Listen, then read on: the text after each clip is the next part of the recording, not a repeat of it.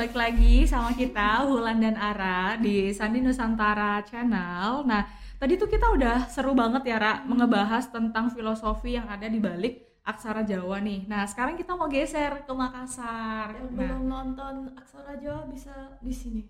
ya. Nanti ada linknya.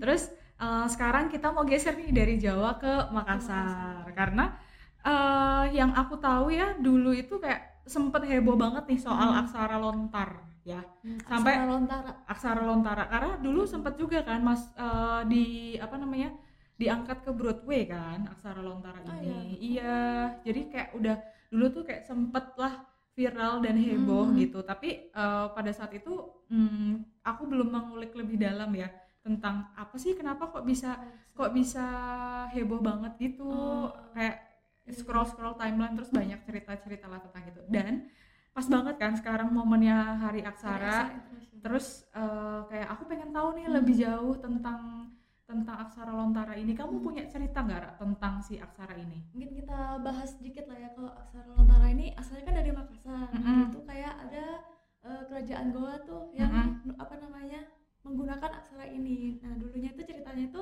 aksara lontara ini belum ada kertas atau apa. Jadi kayak mereka itu mediumnya dari daun lontar. Jadi kayak Oke. disebutnya itu aksara lontar, aksara lontara. Oke, berarti dulu tuh nulisnya di atas kertas eh di atas, daun, di atas daun lontar Hmm, Oke. Dulu belum ada kertas gitu kan. Nah, terus kan tadi kita udah bahas tentang aksara Jawa. Kalau aksara Jawa kan kita bahas filosofinya tuh cenderung ke eh, apa namanya masalah hafalannya itu. Nah, kalau lontar ini setahu aku nih filosofinya itu diambil dari kayak teknis penulisan sama jenis aksaranya itu kayak Oke. gitu. Jadi kayak teknik pe- penulisannya itu dia itu nggak ada yang melengkung-melengkung gitu kan si hurufnya itu.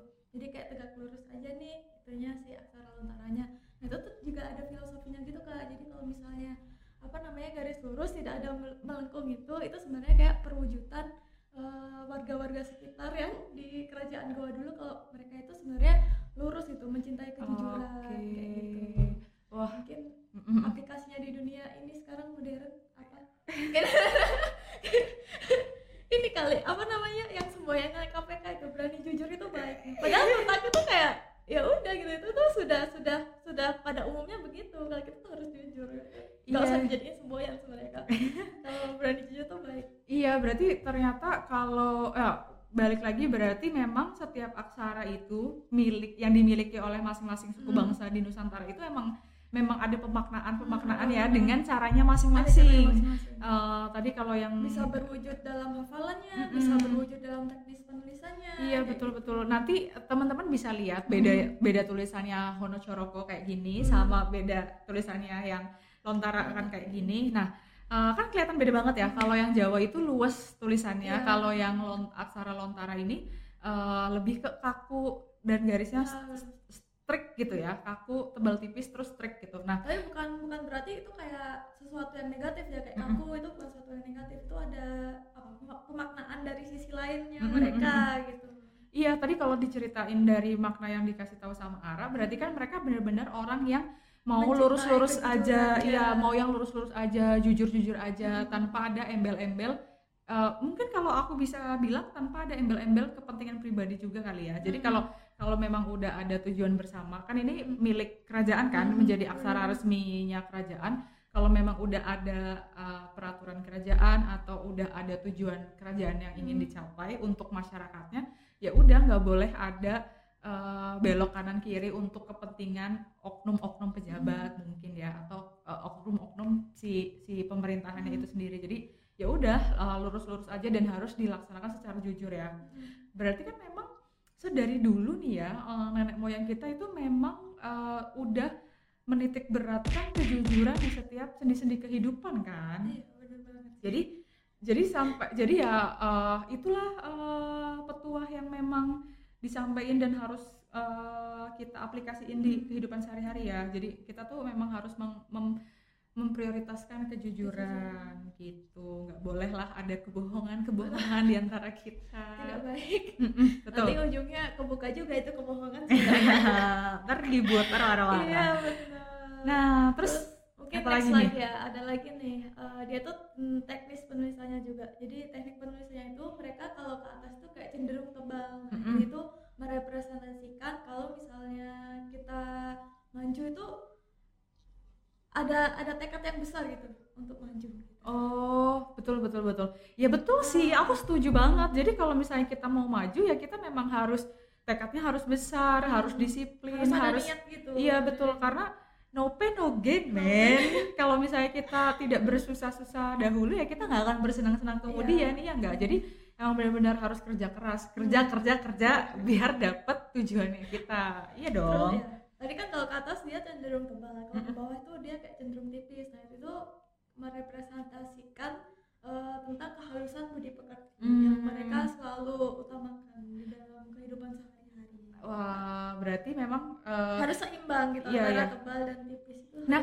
Kalau aku tarik lagi nih ya, ini tuh kayak bener-bener mirip nih, mirip sama petuah yang aksara Jawa tadi. Kalau eh, aksara ini tuh kayak punya sandangan atau pelengkap kan Oh, eh, iya, iya, iya. melengkapi satu sama lain dan ada guideline-guideline. Nah, sama kayak aksara eh, lontara Atau ini. ada Kalau guideline-nya Iya. kalau atas cenderung tebal kalau ke bawah cenderung tipis Mm-mm. dan tuh ada filosofinya sa- masing-masing iya yang yang berarti tuh sama-sama harus ada keseimbangan dalam kehidupan sosial ya.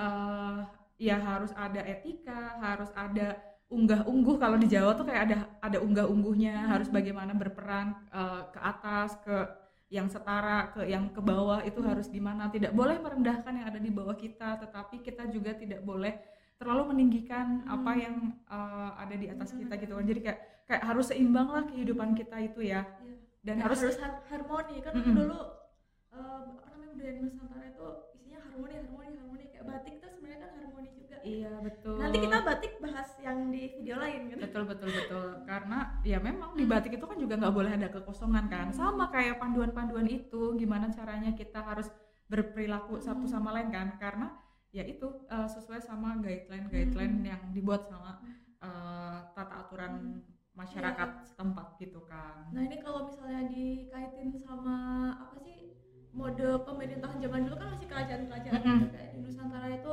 eh, negara seribu raja Mm, mm, mm, Ya. betul Nah itu tuh dengan guideline-guideline ini makanya kayak suksesi raja-raja di Sulawesi Selatan dulunya itu kayak berlangsung damai-damai aja gitu tanpa Hmm. pertumpahan darah. oke gitu. ada ada cerita-cerita lain nggak nih tentang tulisan aksara lontara ini Oh iya tidak ada huruf mati kalau di aksara lontara. Nah ini tuh maksudnya eh, semua ilmu itu harus dijaga gitu, harus tetap harus tetap hidup gitu, nggak Wah. boleh mati. oh Jadi kayak semua ilmu itu berguna sebenarnya. Iya betul betul betul. Nah berarti eh, filosofinya si aksara lontara ini berarti dia menjunjung salah satunya juga menjunjung tinggi ilmu pengetahuan Iya ya. iya benar-benar.